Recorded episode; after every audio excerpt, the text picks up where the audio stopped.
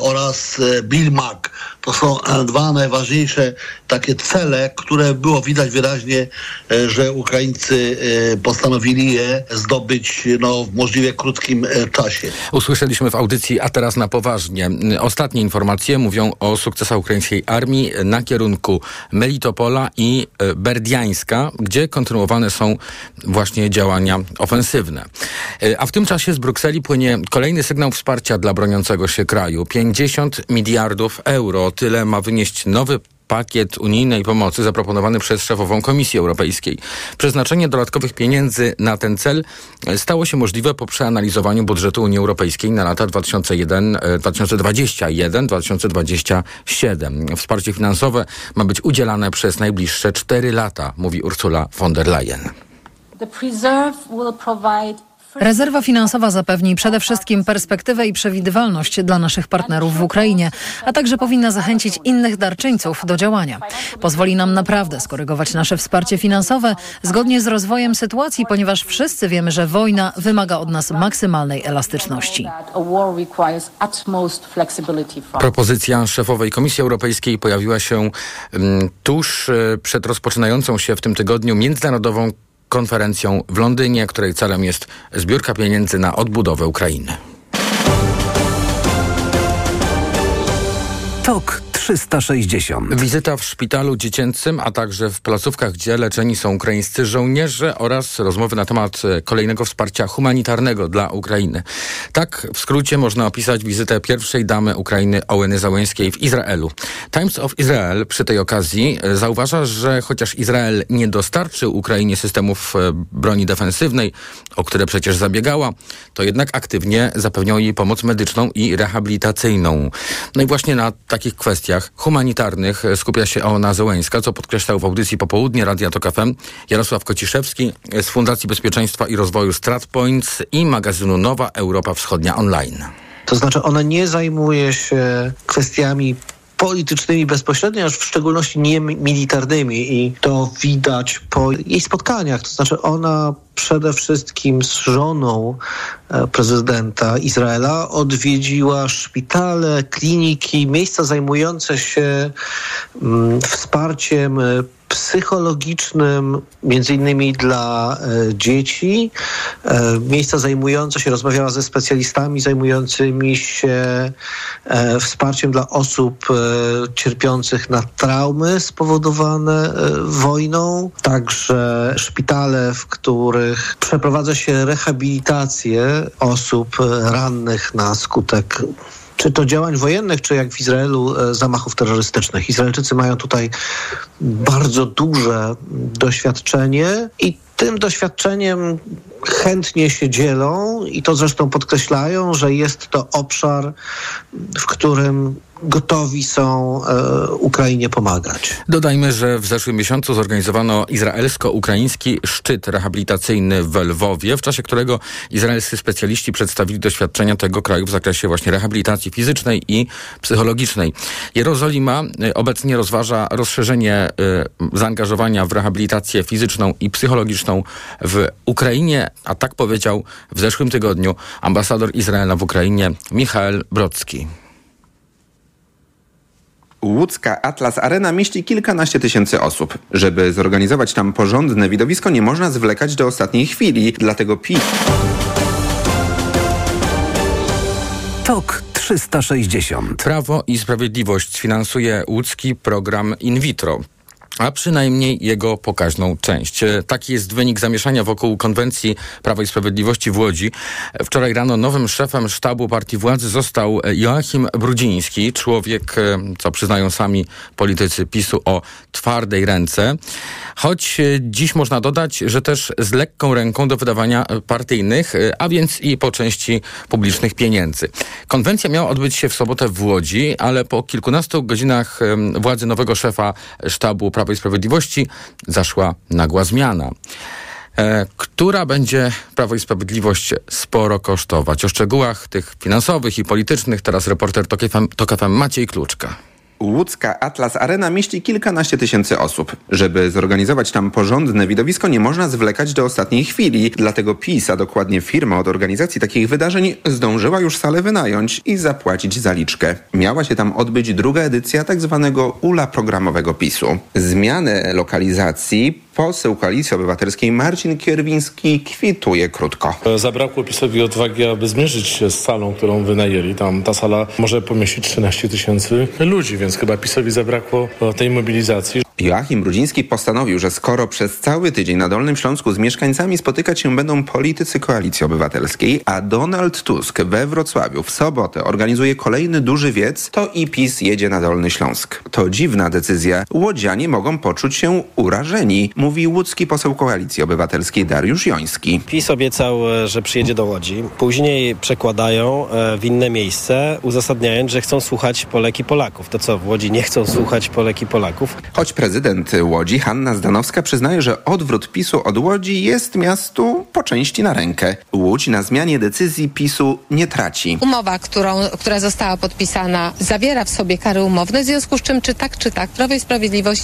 zapłaci za zabiegi in vitro, które w ramach tejże obietnicy zamierzamy zrealizować. Będzie to kilkadziesiąt zabiegów in vitro i z tego bardzo się cieszę. Informowaliśmy już w TOK FM o tym wczoraj wieczorem, jako pierwsi. Dziś rano potwierdziła to prezydent miasta. Hanna Zdanowska już kilka dni temu zapowiedziała, że pieniądze, które powędrowały do Atlas Areny, która należy do miejskiej spółki, spowodują, że w miejskiej kasie zostaną dodatkowe pieniądze na miejski program in vitro. I choć Hanna Zdanowska nie chce zdradzać, a tak naprawdę nie może, ile dokładnie to pieniędzy, bo to część tajemnicy przedsiębiorstwa, to po części podała przybliżoną kwotę, bo podała sumę pieniędzy, które posłużą na kolejne zabiegi in vitro dla łódzkich rodzin starających się o dzieci. Jaki jest mniej więcej orientacyjny koszt kilkudziesięciu y, procent? To jest około 150 tysięcy, które jutro będą procedowane na sesji Rady Miejskiej, w której wzbogacimy program in vitro. PiS traci więc wizerunkowo w Łodzi i finansowo. Pytam posła PiSu Tadeusza Cymańskiego, po co to całe zamieszanie? Nasz kolega Joachim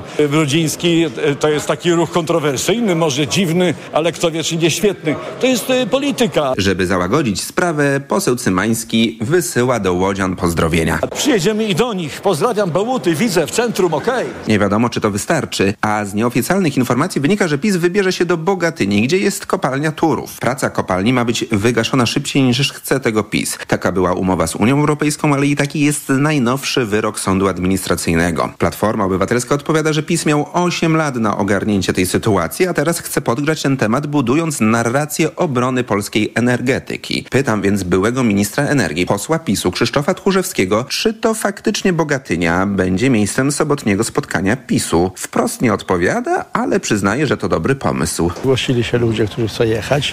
A jakby pan a sporo osób chce jechać w ogóle na konwencję, Aha. więc nie ma znaczenia, gdzie ona będzie dla, dla osób uczestniczących. Wystarczy więc wsiąść do autobusu, ale nie byle jakiego, tylko partyjnego, a już o cel podróży się nie martwić. Jarosław Kaczyński i nowy szef sztabu Joachim Brudziński wyznaczą kierunek. Pieniądze nie grają roli.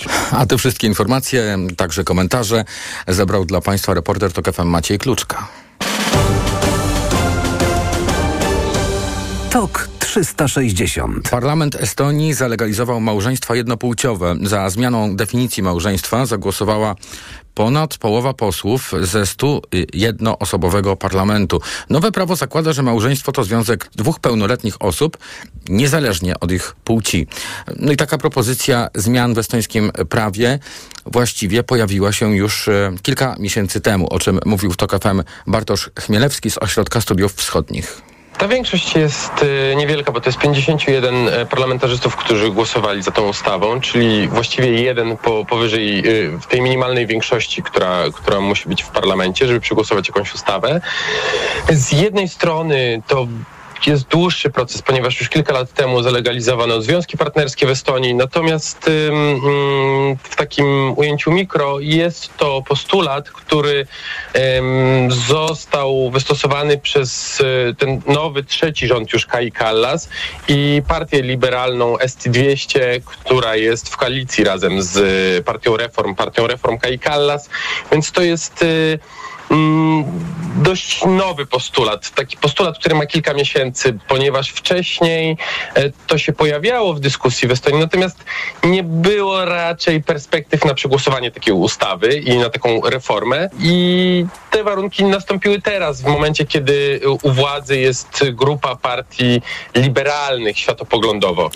No i Estonia jest pierwszym krajem bałtyckim, w którym zostaną zalegalizowane małżeństwa jednopłciowe. Nowe prawo wejdzie w życie z początkiem przyszłego roku. A do tego tematu jeszcze wrócimy w podsumowaniu dnia przed godziną 19. Moją i Państwa gościnią będzie Aleksandra Kuczyńska-Zonik, kierowniczka Zespołu Bałtyckiego w Instytucie Europy Środkowej, reprezentująca także Katolicki Uniwersytet Lubelski. TOK 360. Uczniowie z Centrum Kształcenia Zawodowego i e, Ustawicznego w Sosnowcu walczą o przywrócenie do pracy zwolnionego nauczyciela. Napisali petycję, pod którą w jeden dzień zebrali prawie 4 tysiące podpisów. Nauczyciel został zwolniony z uwagi na, tu cytat, e, utratę zaufania. Tą sprawą zajmuje się Anna Gbiterek-Zabłocka. E, Aniu, powiedz, o, o kogo w tej sprawie, o jakiego nauczyciela chodzi? To Andrzej Skomorowski, nauczyciel fotografii w technikum, bardzo lubiany, szanowany i ceniony przez uczniów. To właśnie oni przygotowali petycję w jego obronie, bo decyzja dyrektorki szkoły ich zaskoczyła i zbulwersowała. Jak mówią, jest niesprawiedliwa i niezrozumiała. Ja rozmawiałam z kilkoma osobami, wszyscy wypowiadali się pod nazwiskiem i ja te nazwiska znam. Rozumie nasze problemy, możemy zawsze do niego przyjść, porozmawiać. Dowiedzieliśmy się, że pan Andrzej dostał wypowiedzenie od pani dyrektor no i dla nas to jest troszeczkę trudna e, sprawa, ponieważ e, jednym z powodów jest to, że ma z nami za dobry kontakt i tego nie rozumiemy, bo takiego nauczyciela jest bardzo ciężko szukać w obecnych czasach i uważam, że takiego powinno się zatrzymać jak najbliżej, a nie go wyrzucać prowadzi lekcje w naprawdę ciekawy sposób oraz stworzył w studiu taką bardzo domową atmosferę, przyniósł tam wiele swoich prywatnych rzeczy. To studio jest takim naszym jakby drugim domem, jak szkoła powinna być, a teraz chcą nam to wszystko zabrać. Żeby dyrekcja zrezygnowała z wypowiedzenia pana Andrzeja, ponieważ pan Andrzej jest człowiekiem, który musi zostać tutaj. Po prostu bez pana Andrzeja czasami niektórzy uczniowie sobie nie dadzą rady. Nigdy nie odmówił pomocy, też jeżeli chodzi o y, osoby LGBT. Pan Andrzej był też jedynym nauczycielem, mm, który zostawał po lekcjach z nami, aby wysłuchać naszych problemów. Pan Andrzej razem z panem Mateuszem, który poszedł za ciosem i sam złożył wypowiedzenie, po prostu potrafili zbudować nam w szkole takie miejsce, do którego każdy chciał przychodzić. Miał tam pełne wsparcie, nie tylko w w sprawach szkolnych, lekcyjnych, a również prywatnych. Pan Andrzej stracił zaufanie dyrekcji szkoły. Takie oświadczenie dostałam od rzecznika prasowego placówki Dominika Kowalskiego. W odpowiedzi dla TOK FM wskazał, że nauczyciel nie wykonywał poleceń, choć nie napisał, jakich konkretnie i czego dotyczących. Andrzej Skomorowski przyznaje, był otwarty w relacjach z uczniami. Na kafelkach na ścianie w stworzonej przez niego pracowni fotograficznej mogli pisać różne słowa, które były dla nich ważne. I to to też był jeden z zarzutów. Podobno ja pozwoliłem uczniom malować po ścianach czy pisać po ścianach i że inni nauczyciele się skarżą, że ciężko się ze mną współpracuje. Nie ja pozwoliłem uczniom, tylko wszyscy nauczyciele fotografii, których jest nas tu parę. Dogadaliśmy się, że tworzymy bezpieczną przestrzeń dla uczniów i chcemy im też pomagać w wyrażaniu się w sposób właściwy, czy kształtować taki właściwy. Dwa lata temu pozwoliliśmy im pisać po ścianach pod warunkiem, że będą to rzeczy tylko pozytywne. A hasła na kafelkach na ścianie były różne, głównie wspierające dla młodzieży. Wszyscy jesteśmy równi, wartościowi, każdy z nas jest wystarczający. Wspieramy Ukrainę. No ogólnie tego typu wspierające hasła, plus ostatnio pojawiło się jedno dosyć znaczące hasło, że nauczyciel jest za Hasło ze ściany zniknęło, a niedługo potem przyszło polecenie, że mają zniknąć także inne słowa, w tym Your Body, Your Choice czy Depresja jest chorobą. Szkoła nie odpowiedziała TOK FM, dlaczego musiały zniknąć. Na znak solidarności z panem Andrzejem ze szkoły odchodzi też inny nauczyciel fotografii, Mateusz Orszulski. W rozmowie z nami mówi, że ma dość szkoły, w której polecenia przychodzą z góry i wychodzi się z założenia, że to uczniowie mają się dostosować, a nauczyciel ma władzę. Przerażające jest dla mnie to, że przychodzą ludzie, którzy właśnie głoszą e, poglądy, że, że, że dla nich szkoła powinna dalej wyglądać, wie pani, jak w Prusach Wschodnich, że trzeba ich, że, że młodzież trzeba złamać, że, że tak wygląda prawdziwe życie i tak dalej, i tak dalej. To jest przerażające, to znaczy jakby to obrażanie się na nas, że my właśnie usiłujemy nawiązać jakieś relacje, że rozmawiamy z uczniami, że nie traktujemy ich z góry, że, że, że ja się wcale nie czuję lepszy od moich uczniów. Takie podejście właśnie mówię, tej pruskiej szkoły. Sama szkoła nie ma sobie jednak nic do zarzucenia. Dyrekcja wskazuje brak zaufania i w zasadzie tyle. A uczniowie zapowiadają, że nie odpuszczą, mają petycję, ale chcą również zorganizować protest. Nie wykluczają również, że będą chcieli spotkać się z prezydentem Sosnowca. Bardzo dziękuję. Anna Gmiterek-Zabłoska mówiła o tej sprawie, a jeśli chcą Państwo poznać więcej szczegółów, no to zapraszam do e, od, odnalezienia tej właśnie historii konkretnej w podcastach na tokfm.pl e, a konkretnie tokfm.pl ukośnik problem. Tam Państwo ten podcast odnajdą za chwilę Ekonomia 360.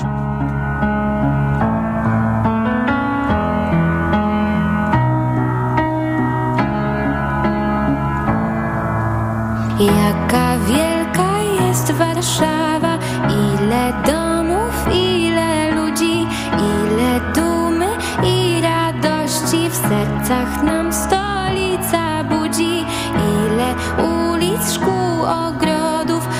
placów, sklepów,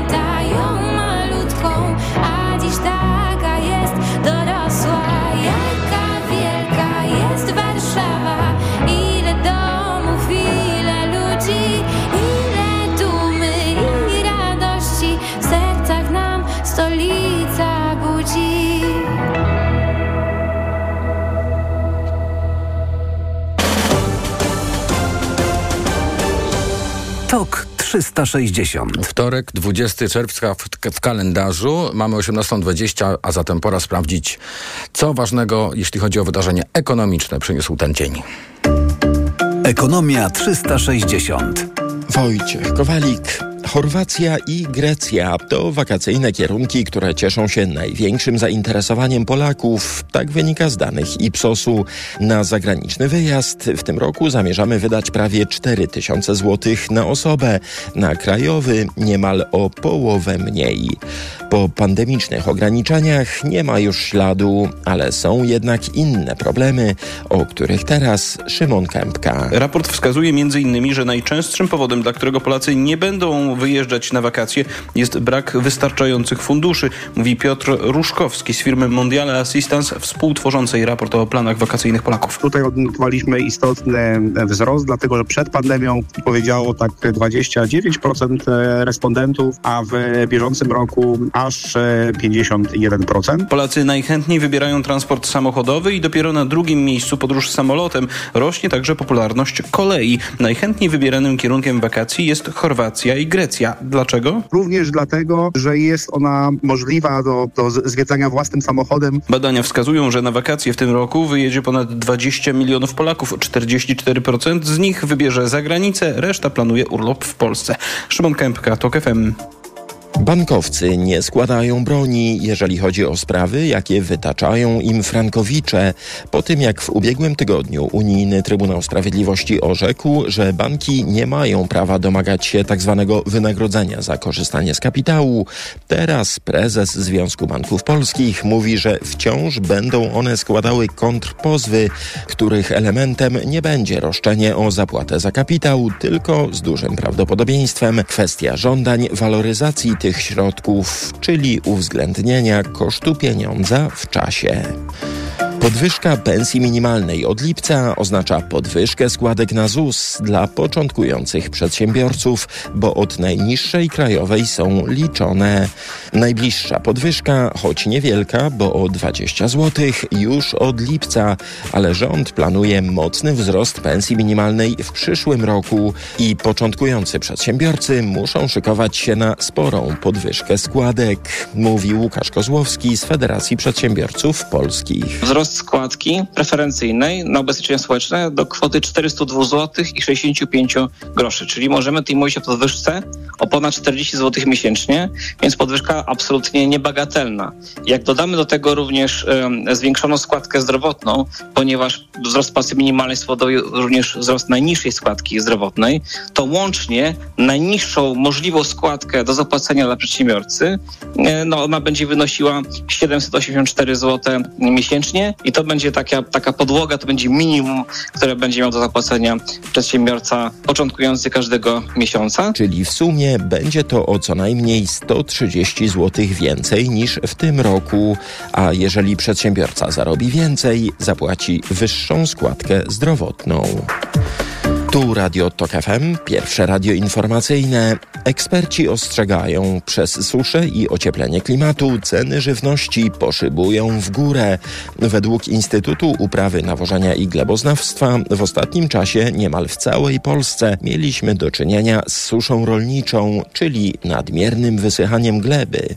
W Polsce żywności nie zabraknie, ale na pewno będzie jeszcze droższa, mówił w Tok FM profesor Zbigniew Karaczun ze Szkoły Głównej Gospodarstwa Wiejskiego. Inflacja, koszty życia, koszty energii. Ja się boję, że to się przełoży na to, że ceny żywności w Polsce będą rosły i spowodują, że wiele gospodarstw domowych nie będzie na wiele produktów stać. I to jest ten groźny proces, który także gdzieś ma swoje przyczyny właśnie w tych skutkach zmian klimatu, w tej suszy. Bo mimo, że tempo wzrostu cen w Polsce spada, żywność drożeje najszybciej, niemal o 20% w skali roku. Rząd wraca do pomysłu na podatek od tzw. Tak nadmiarowych zysków, ale ciągle bez konkretów.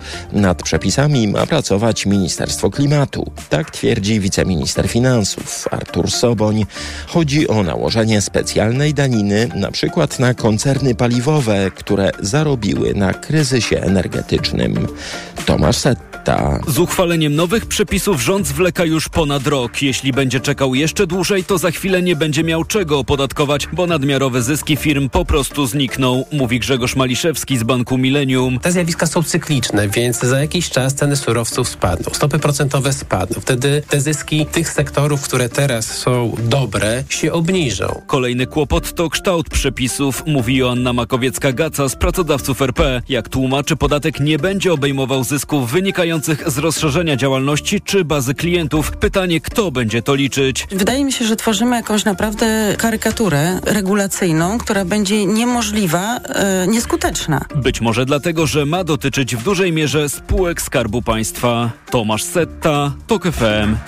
4 zł 44 grosze, tyle kosztuje dziś euro, frank po 4,53, dolar 4,07, funt 5,19. A na warszawskiej giełdzie WIG w dół o 0,7, WIG 20 o 0,8%.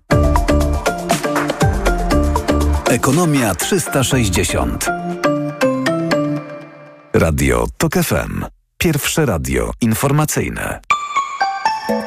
Pogoda. Przed nami kolejny bardzo ciepły, albo nawet upalny dzień, bo w środę 31 stopni zobaczymy w Gdańsku, 30 w Poznaniu, Wrocławiu, Łodziu i Krakowie, w Warszawie 29, a w Lublinie w cudzysłowie tylko 27.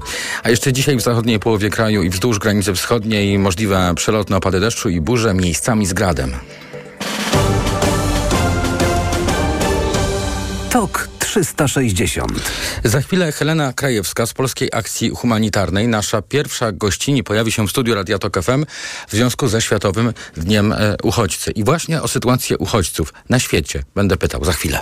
Reklama. Uwielbiam to uczucie. Chciałabym, żeby trwało bez końca. Tak wyjątkowo czuję się tylko w Lexusie UX. Stylowy crossover Lexus UX otula mnie komfortem i imponuje najnowocześniejszymi technologiami. Teraz Lexus UX już od 139 500 zł. Szczegóły na lexusmyślnikpolska.pl Lexus. Elitarny w każdym wymiarze. Nowe niższe ceny w Decathlon wchodzą na stałe. Obniżamy ceny 200 topowych produktów Decathlon, a jakość pozostawiamy tak wysoką jak zawsze.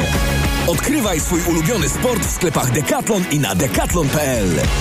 Let's go! Ostatni dzwonek w Mediamarkt. Złap okazję na wakacje. Teraz głośnik Bluetooth Hama za 140 zł. Taniej o 149 zł. Najniższa cena z 30 dni przed obniżką to 289 zł. Mediamarkt. Reklama.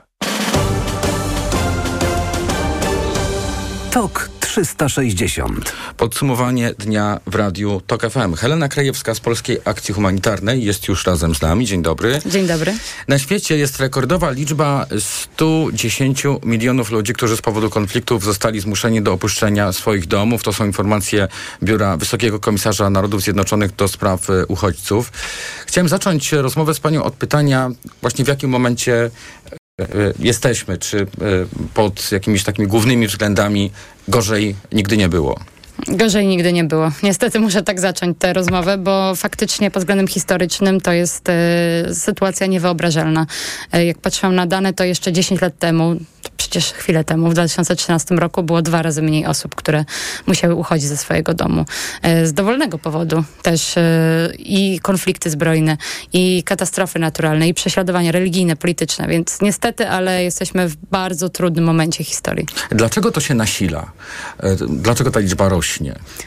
Niestety dochodzi do coraz większej liczby kryzysów humanitarnych na świecie, do coraz większej e, liczby szoków, jak my to nazywamy w pachu, e, które wywracają życie do góry nogami. I oczywiście w ostatnim roku nasze myśli, nasze media, wszystko było zdominowane przez kryzys w Ukrainie, ale to, że tam trwa naprawdę okrutna wojna, nie zmienia faktu, że w innych krajach także dzieje się źle. Na przykład to, co dzieje się teraz w Sudanie, e, trwający także cały czas e, kryzys humanitarny w Sudanie Południowym, z kolei ogromna susza w rogu Afryki, to, co dzieje się w Afganistanie. Mogę tylko mnożyć przykłady. Niestety, ale właśnie zmiany klimatu z jednej strony, a z drugiej ten brak bezpieczeństwa, e, także osobistego podczas konfliktów zbrojnych sprawiają, że ludzie po prostu nie mają innej możliwości, muszą uciekać z domu.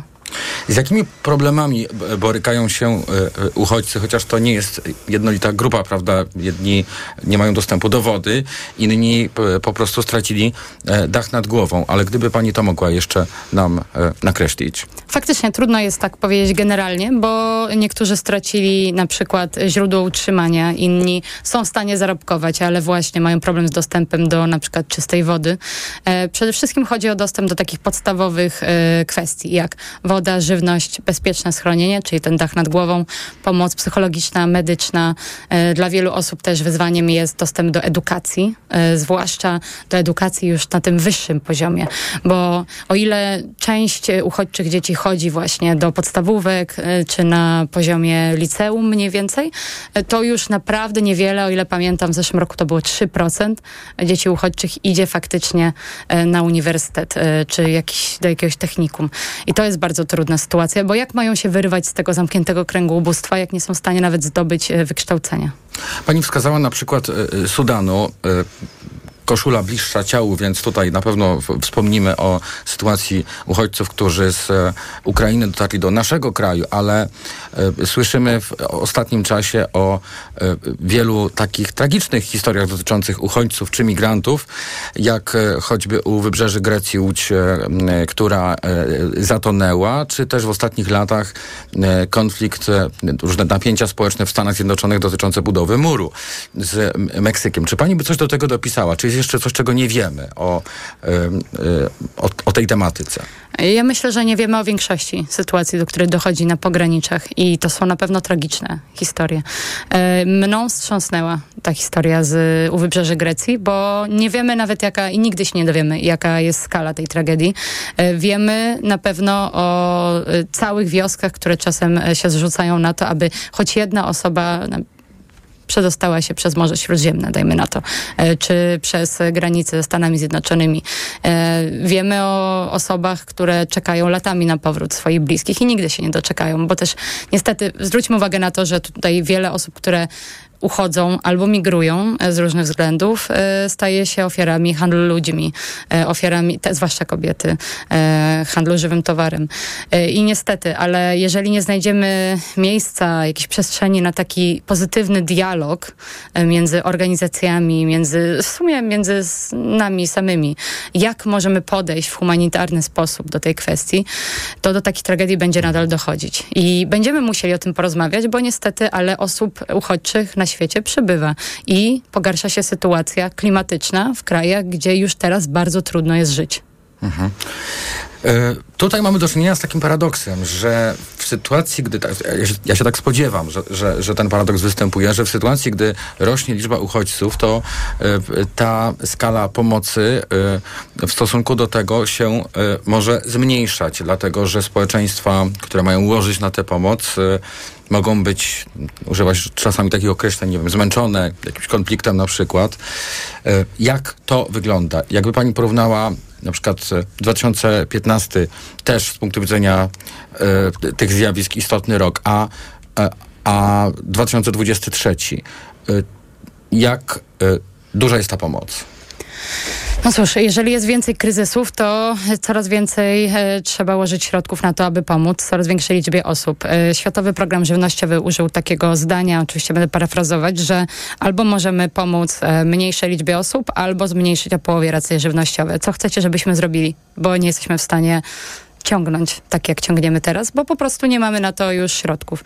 I, I, taka jest sytuacja wielu organizacji humanitarnych, że nawet czasem muszą się wycofywać z regionów, z których nie chcą się wycofać, ale muszą, bo brakuje im środków. E, uważają, że to nie jest po prostu fair w stosunku do y, społeczeństwa y, w danym miejscu, żeby wybierać, kto otrzyma tę pomoc, a kto nie.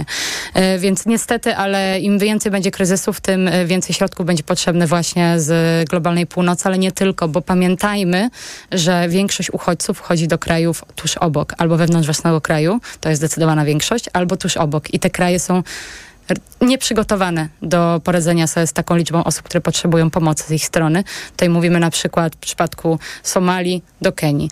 E, Sudan, Sudan Południowy do Sudanu, a teraz Sudan do Sudanu Południowego również. Mamy do czynienia czasem z podwójnymi uchodźcami, ale też właśnie z Sudanu. E, Syria do Jordanii, Syria do Libanu, Syria do Turcji. Można tylko mnożyć takie przykłady. Ja się cieszę, że Ukraińcy, którzy uchodzili ze swojego kraju, znaleźli u nas bezpieczną przystań w większości przypadków, czy w innych krajach, ale to jest sytuacja absolutnie wyjątkowa. W większości przypadków naprawdę, naprawdę kraje nie są w stanie, przyjmujące, nie są w stanie sobie z tym poradzić i też wymagają naszego wsparcia. Z czym będziemy się musieli e, zmierzyć w przyszłości? To znaczy e, e, rządy bogatych państw będą się musiały wziąć do roboty czy może um, organizacje takie jak wasza? Rządy bogatszej północy już faktycznie łożą na pomoc humanitarną, niektóre w naprawdę dużym stopniu. Organizacje humanitarne pracują, ale to, jaka jest przyszłość pomocy humanitarnej, pomocy osobom uchodźczym, to także e, większe zaangażowanie społeczeństw obywatelskich i większe zaangażowanie e, globalnego południa. To znaczy potrzebna jest, e, potrzebne jest włączanie lokalnych społeczności także na miejscu. Potrzebny jest dialog z społecznościami przyjmującymi, na przykład osoby, które przemieściły się w Somalii, to jest ponad milion osób, one znalazły schronienie właśnie w innych częściach swojego kraju. I tutaj muszą się pojawić jakieś konflikty społeczne, bo mamy ograniczone zas zasoby, prawda? Więc y, włączanie szersze tych lokalnych społeczności i organizacji lokalnych i samego naszego społeczeństwa obywatelskiego jest niezbędne w przyszłości. Bardzo dziękuję. Helena Krajewska z Polskiej Akcji Humanitarnej była razem z nami. Tematu nie zmieniamy, bo za chwilę w dalszym ciągu dniu y, uchodźcy, ale z polskiej perspektywy. Moim Państwa gościem będzie Piotr Czaban, dziennikarz i aktywista. Reklama. Dlaczego wybrałem Toyotę CHR? Bo jest idealna. Niesamowity styl, dwukolorowe nadwozie. Nie da się jej przegapić. Aluminiowe felgi, najnowsze systemy bezpieczeństwa, klimatyzacja, a wykończenie? Najwyższa jakość. Dopracowana na tip-top. Do tego łączy w sobie miejski styl i niezawodny i oszczędny napęd hybrydowy. Od razu widać, że ma charakter. Teraz Toyota CHR dostaniesz w Toyota Outlet z rabatem nawet do 11 400 zł. Szczegóły na toyota.pl. Teraz w Carrefourze akcja antyinflacja. Na specjalne okazje praliny i bombonierki 20% taniej z aplikacją Mój Carrefour. A nektarynki 1 kg 7,99 za koszyk. Oferta ważna do 25 czerwca. Kupuj też na carrefour.pl. Nadciąga zima stulecia, a wraz z jej nadejściem wrócą najmroczniejsze tajemnice, jakie skrywały Tatry. Widmo Brokenu. Nowa powieść Remigiusza Mroza już w księgarniach. Istnieją pożary, których ugasić się nie da.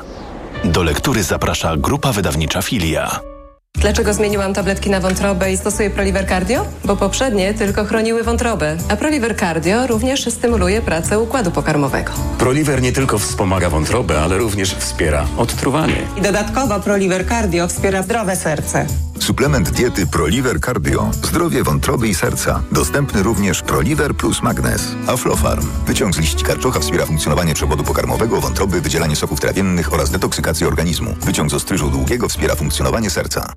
Skręć teraz w zieloną stronę.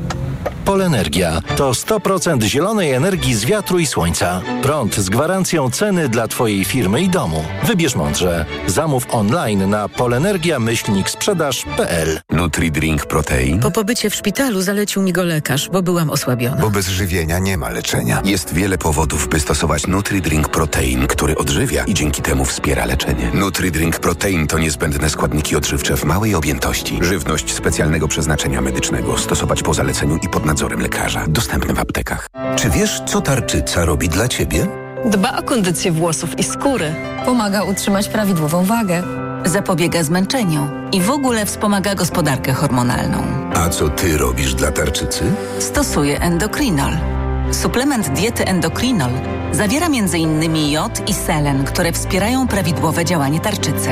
Tarczyca dba o mnie, a endokrinol dba o tarczycę. Endokrinol. W trosce o tarczycę. Aflofarm.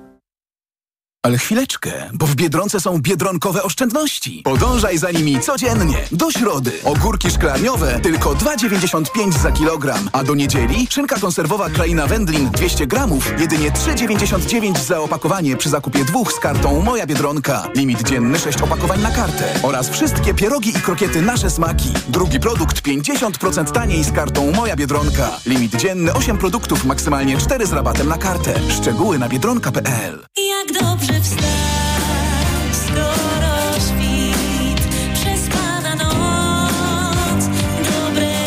Melatonina Lekam. Numer jeden na sen w Polsce. Melatonina Lekam ułatwia zasypianie i poprawia jakość snu, więc możesz wstać wyspana. Melatonina nie uzależnia i można ją stosować przez długi czas. Melatonina Lekam. Do wyspanych świat należy. Melatonina Lekam. Melatoninu. 5 mg tabletki. Melatonina jest wskazana jako środek pomocniczy w leczeniu zaburzeń rytmu snu i czuwania. Na przykład związanych ze zmianą stref czasowych lub w związku z pracą zmianową. Podmiot odpowiedzialny Lekam spółka ZO. To jest lek. Dla bezpieczeństwa stosuj go zgodnie z ulotką dołączoną do opakowania i tylko wtedy, gdy jest to konieczne. W przypadku wątpliwości skonsultuj się z lekarzem lub farmaceutą. Reklama. TOK 360. Jest z nami Piotr Czaban, dziennikarz i aktywista, jednocześnie członek Podlaskiego Ochotniczego Pogotowia Humanitarnego i autor kanału Czaban robi raban na YouTube. Dzień dobry, witam w Radiu Tok FM. E, Witam, dzień dobry, dobry wieczór. Spotykamy się w związku z Dniem e, Uchodźcy i chciałem pana zapytać o polski e, taki właściwie obraz tego, jak obywatele podchodzą do ludzi z zewnątrz, którzy przybyli do naszego kraju, do uchodźców, bo e, ostatnie lata pokazują nam takie dwie, em, mm, właściwie taki kontrast. Rzeczywistość, w której jesteśmy bardzo gościnni dla gości e, z Ukrainy e, i mroczny obraz e, pushbacków, czyli czegoś, co w zasadzie jest e, nielegalne, a już na pewno godzi w prawa człowieka. Coś, co się dzieje w, z udziałem e, polskich służb. Jak pan by się odniósł do tego? Miałem okazję doświadczyć y, właśnie tych dwóch światów, dwóch różnych podejść do uchodźców z Ukrainy i do tych uchodźców, bo ludzie y, z krajów ogarniętych wojną, tak jak Syria, y, czy teraz Sudan, czy wiele innych krajów, które są w tragicznej, dramatycznej sytuacji, no to jeżeli ludzie uciekają właśnie z takich państw, no to są uchodźcami. I ci uchodźcy na granicy z Białorusią po prostu brakuje mi słów, żeby opisać to, jak e, olbrzymia znieczulica opanowała nasze państwo, nasze społeczeństwo, jaką zgodę dajemy na to, gdy w pierwszych tygodniach wojny dla TVN24 relacjonowałem e, sytuację na granicy z Ukrainą w Dorochusku. Też tam e, pomiędzy relacjami rozmawiałem z ludźmi, rozmawiałem z Polakami, którzy przyjeżdżali tam, by udzielić pomocy. Był taki starszy pan z Gdyni. Pytałem go właśnie, w jaki sposób chce pomóc. Mówi, no, że po prostu zabierze do siebie, do domu uchodźców z Ukrainy. Zapytałem go, co wie na temat uchodźców z tej granicy z Białorusią. Czy wie, że tam zupełnie inaczej to wygląda, że tam Straż Graniczna nie wita, nie nosi dzieci na rękach, nie wnosi ich do Polski, do bezpiecznych miejsc, tylko wyrzuca y, na stronę białoruską. Y, ten mężczyzna powiedział, że to fake, to co mówię, że to jest nieprawda, że tego po prostu nie ma. Y, podobnie też przez Dorochusk przejeżdżał kardynał Krajewski, wysłannik papieża. Pojechał do Ukrainy, by tam wesprzeć Kościół katolicki wiernych w tych pierwszych tygodniach wojny. I tam mieliśmy też spotkanie z kardynałem Krajewskim, taki briefing prasowy. On mówił na nim właśnie, że Polska jest wspaniałym, pięknym przykładem dla całej Europy, jak należy traktować uchodźców. Polacy przyjmują uchodźców z Ukrainy do swoich domów i to jest fenomen. A kardynał Krajewski widział, co się na przykład dzieje w Grecji z uchodźcami, gdzie tam są tworzone getta. I ja y, przerwałem y, kardynałowi i powiedziałem, że no ja jestem z tej granicy, bo mieszkam przy granicy z, Biał y, z Białorusią i i to nie jest tak do końca, jak mówi kardynał.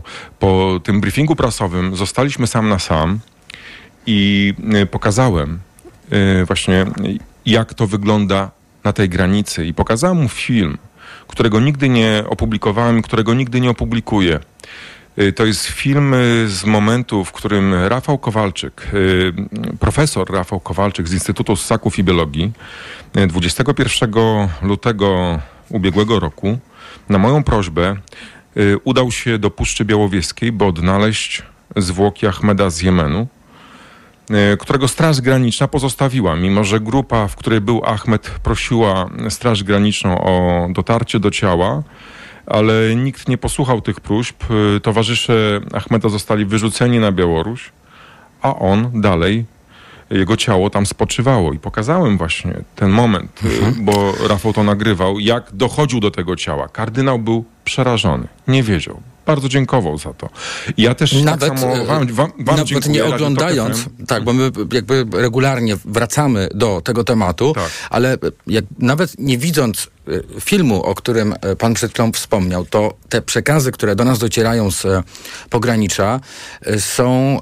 Um, czymś bardzo niepokojącym. Pokazuje, pokazują e, stosunek naszych służb do e, drugiego człowieka.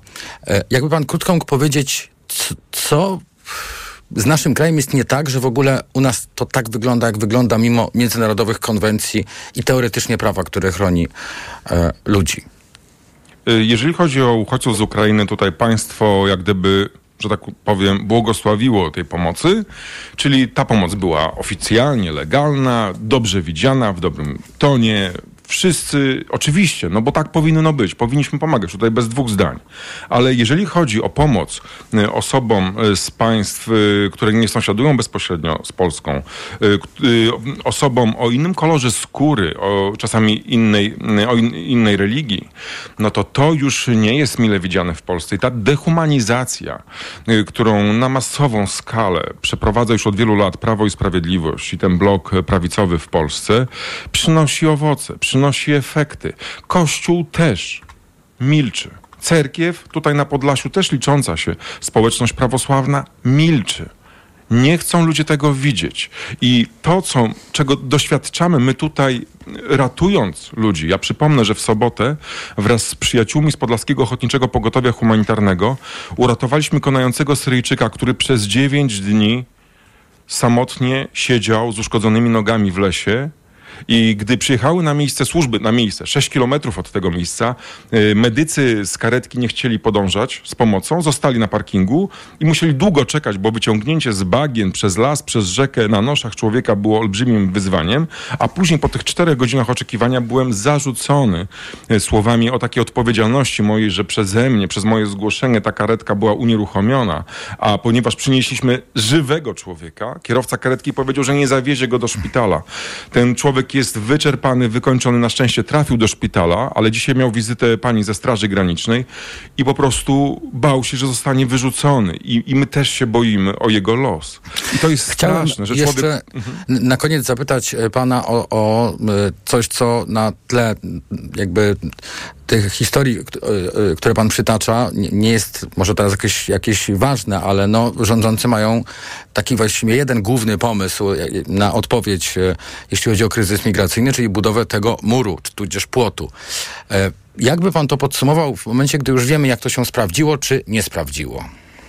Czy to jest, jak, jak mówię, oszukiwanie elektoratu, coś robimy, e, zobaczcie, i ten kreowanie wroga. Wroga, który ma zjednoczyć e, wyborców, e, którzy mają oddać głos właśnie na e, partie o tak skrajnych, antyludzkich poglądach, którzy, ja widzę przecież w, internecie, w moich mediach społecznościowych komentarze zwolenników właśnie działania rządu, gdzie pod informacjami o śmierciach ludzi, o dramatach ludzi na granicy z Białorusią, o, po prostu wylewa się po, no, język nienawiści, zła, okrutny, bezduszny. I to, to jest potworne. To trwa drugi rok. Drugi rok, y, tylko pojedyncze redakcje. No, wy mówicie, Gazeta Wyborcza, Okopres, czasami krytyka polityczna. Naprawdę ukłony dla tych redakcji, które nie zapominają. Ale ten mainstream zapomniał. Całkowicie. Ja tego nie widzę, nie słyszę. Nie widzę dziennikarzy w lasach, nie widzę y, tego, jak dokumentują, tylko oczywiście czasami się pojawia mikrofon przed y, rzeczniczką, jedną czy drugą y, ze Straży Granicznej z zapytaniem y, o, o to, a jak tam teraz na granicy. Nikt nie drąży tematu wypadków w Trześciance y, z 5 maja, gdzie zginęło y, dwóch cudzoziemców. Byli ścigani przez strażników granicznych. Jeden był na wolnym, drugi był w samochodzie cywilnym. Y, Zadałem pytania, bo mój informator mówi, że w tym pościgu miał brać udział generał y, Andrzej Jakubaszek, generał y, Straży Granicznej. Zadałem te pytania o jego udział w tym pościgu i- ewentualną strzelaninę. Rzeczniczka Straży Granicznej nie odpowiedziała na żadne z moich pytań. Ja to opublikowałem. Media tego nie drążą. Zadowoliliśmy się tym skromnym komunikatem Straży Granicznej, że był pościg, samochód się nie zatrzymał, zginęły dwie osoby i koniec. I koniec. Nie wiemy, jak tak naprawdę to wyglądało. A jeżeli cywilny samochód zatrzymuje inny samochód, no czy ta strzelanina była No, niewątpliwie w sytuacji, nie? E, prostu- jaką mamy przy granicy z Białorusią, e, dociekliwość jest bardzo potrzebna. Bardzo dziękuję. Piotr Czaban, dziennikarz i aktywista, członek Podlaskiego Ochotniczego Pogotowia Humanitarnego, autor kanału Czaban robi raban na YouTube. E, Był razem z nami. A za chwilę będziemy mówili o sprawach Estonii, a konkretnie o tym, że to państwo będzie miało małżeństwa jednopłciowe. Posłowie podjęli już taką decyzję. Aleksandra Kuczyńska-Zonik, szefowa zespołu bałtyckiego w Instytucie Europy Środkowej, będzie razem z nami. Ta wspomniana audycja i omawianie fragmentów e, podręcznika to nie było propagowanie mowy nienawiści, tylko krytykowanie mowy nienawiści zawartej w tym podręczniku. Tu nie ma żadnych podstaw do ukarania Radia Tok FM. Za opinię karać nie można. Każdy sąd to oczywisty sposób uchyli. No tylko, że w tej chwili wisi miecz nad TOK FM związany z koniecznością odnowienia koncesji. Czyli to jest decyzja, która służy zastraszeniu nadawcy. Wasze radio, jako radio, które mówi prawdę, ma być ukarane przez funkcjonariuszy PiSu. Pan Świrski w tej sprawie nie działa jako szef Krajowej Rady, tylko jako funkcjonariusz z Nowogrodzkiej. To trzeba napiętnować, bo to jest po prostu skandal. Bez wolnych mediów nie ma demokracji. Radio TOK FM. Pierwsze radio informacyjne. Posłuchaj. Aby zrozumieć.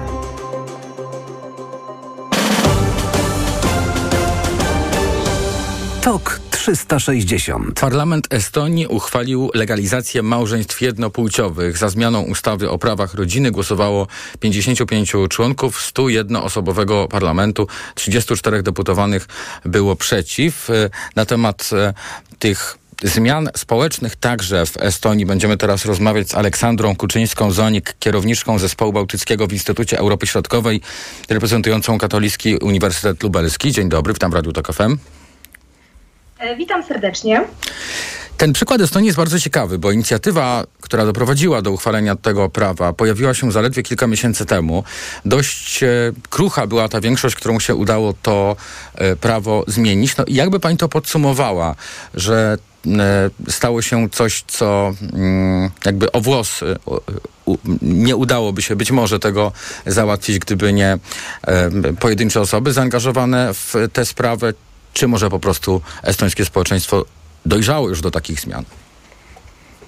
Ja bym raczej skłoniła się właśnie ku tej e, drugiej odpowiedzi, e, wskazując, że wskazując na pewne zmiany długofalowe obserwowane w społeczeństwie e, estońskim. To znaczy stosunek do związków partnerskich oraz do małżeństw jednopłciowych dojrzewał oczywiście zarówno w parlamencie, jak i w społeczeństwie estońskim. I to nie jest, to nie jest kwestia, którą dopiero niedawno podniesiono. Ona, tak jak powiedziałam, dojrzewała. Od momentu ustale, uchwalenia y, ustawy o związkach partnerskich w 2014 roku, która weszła w życie dwa lata później, aż do chwili obecnej, e, czyli tak jak e, chwili obecnej, kiedy e, nie, nie tylko uznano małżeństwo za związek osób również e, jednej płci, czyli osób dorosłych bez względu na płeć, ale również wprowadzono e, akty wykonawcze do tej ustawy właśnie z 2014 roku, która rzeczywiście, która rzeczywiście jakby de facto e, wprowadzała w, praktyk, w praktykę e, te ustalenia. Tak więc e, z mojej perspektywy jest to pewien proces i pewna konsekwencja, tak naprawdę efekt tego e, no, no pewne, pewnej zmiany, ale takiej długofalowej, e, która ma miejsce w społeczeństwie estońskim. A proszę powiedzieć, co zmiana tych przepisów mówi nam w ogóle o zmianie, e, e, jeśli chodzi o e, estońską politykę, no bo tutaj do głosu doszły środowiska e, liberalne. e, liberalne. Na ile to, to jest silny mandat? Ja bym powiedziała, że generalnie społeczeństwo i polityka estońska jest e, e, liberalna, e, prozachodnia. E, Oczywiście były pewne epizody, gdzie e, w partii, e, przepraszam, w parlamencie, w koalicji parlamentarnej znajdowały się partie nastawione bardziej konserwatywnie i tradycyjnie, z tradycyjnym podejściem do kwestii małżeństwa. Natomiast ja bym właśnie widziała ten proces, tak jak powiedziałam, bardzo szeroko i generalnie nie wydaje mi się, że jest to jakiś, jakiś, jakaś krucha bardzo podstawa, ponieważ de facto był to temat no, wiele lat dyskutowany. E, Oczywiście, tak jak powiedziałam, e, możemy e, zauważyć, że mm, w pewnych okresach był powrót do takiej tradycyjnej, tradycyjnego ujęcia małżeństwa. Mówię tutaj o roku 2019, kiedy e, kiedy partie koalicyjne, czyli Partia Centrum, Partia Ojczyzna i EKRE uzgodniły w ramach umowy koalicyjnej, że e, przeprowadzone zostanie referendum właśnie w sprawie takiego ujęcia małżeństwa jako związek, związku kobiety i mężczyzny. E, Natomiast no, y, z różnych przyczyn e, nie powiodło się, nie doszło do tego re- referendum. Wskutek tego y, no, dalej ta, ta droga w kierunku liberalnego y, ujęcia e, i, i akceptowania związków partnerskich i nadawania ich coraz większej ochrony prawnej następuje, tak więc no, no mamy właśnie ten efekt w postaci zmiany prawa rodzinnego. A co możemy powiedzieć o tej drodze y, y, dojścia jakiejś towarzyszącej temu pewnie debacie sp- społecznej do tych nowych y, przepisów? Bo ja to sobie wyobrażam, gdybyśmy mieli w Polsce do czynienia z taką zmianą przepisów, to byłby to potężny podział społeczny i bardzo gorąca dyskusja. A jak to wyglądało w Estonii? Yy, Rzeczywiście jest to temat kontrowersyjny, myślę również, że dla społeczeństwa estońskiego, natomiast ta debata została e, zainicjowana już wiele lat temu, właściwie e, od kilku, kilkunastu lat właściwie e, możemy mówić o, o takiej debacie i ona rzeczywiście dzieliła społeczeństwo. Natomiast jak spojrzymy na badania opinii publicznej właśnie w odniesieniu do związków partnerskich, do praw osób homoseksualnych, to zobaczymy, że te, e, że te poglądy społeczeństwa właśnie zmierzały ku e, rozszerzeniu praw dla tych osób. Ja tutaj mogę e, podać pewne statystyki, no, pewne właśnie wyniki takich e, badań opinii publicznej i proszę zauważyć, że na przykład w 2012 roku e, 38% akceptowało związki, e, 38% społeczeństwa akceptowało związki homoseksualne. E, W 2015 roku już 44% uważało, że osoby te powinny mieć dodatkowe prawa, czy takie prawa jak, jak e, związki mężczyzn, e, mę- mężczyzny i kobiety.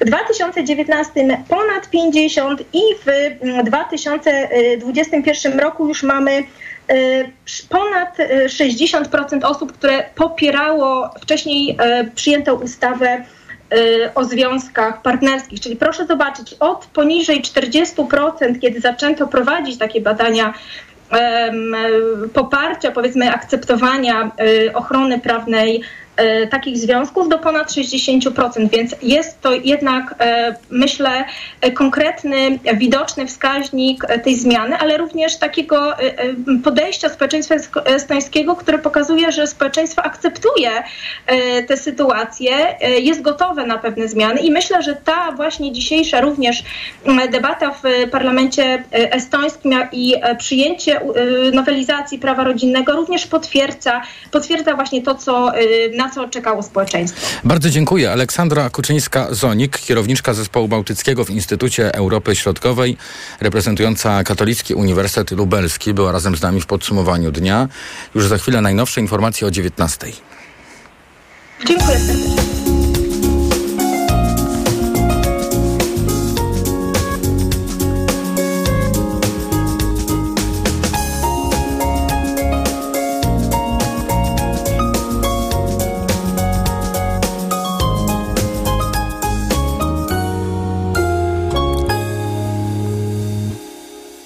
Radio TOK FM. Pierwsze radio informacyjne. Reklama. Kochanie, robię listę zakupów na wakacje. Ręczniki plażowe, nowy kostium, dmuchańce dla dzieci i... Trymer do brody. Wszystko, o czym pomyślisz na wakacje? Na Allegro mają. Tysiące wakacyjnych i codziennych produktów w super cenach. Allegro. Złap nasze wakacyjne oferty. Teraz przy zakupie planu M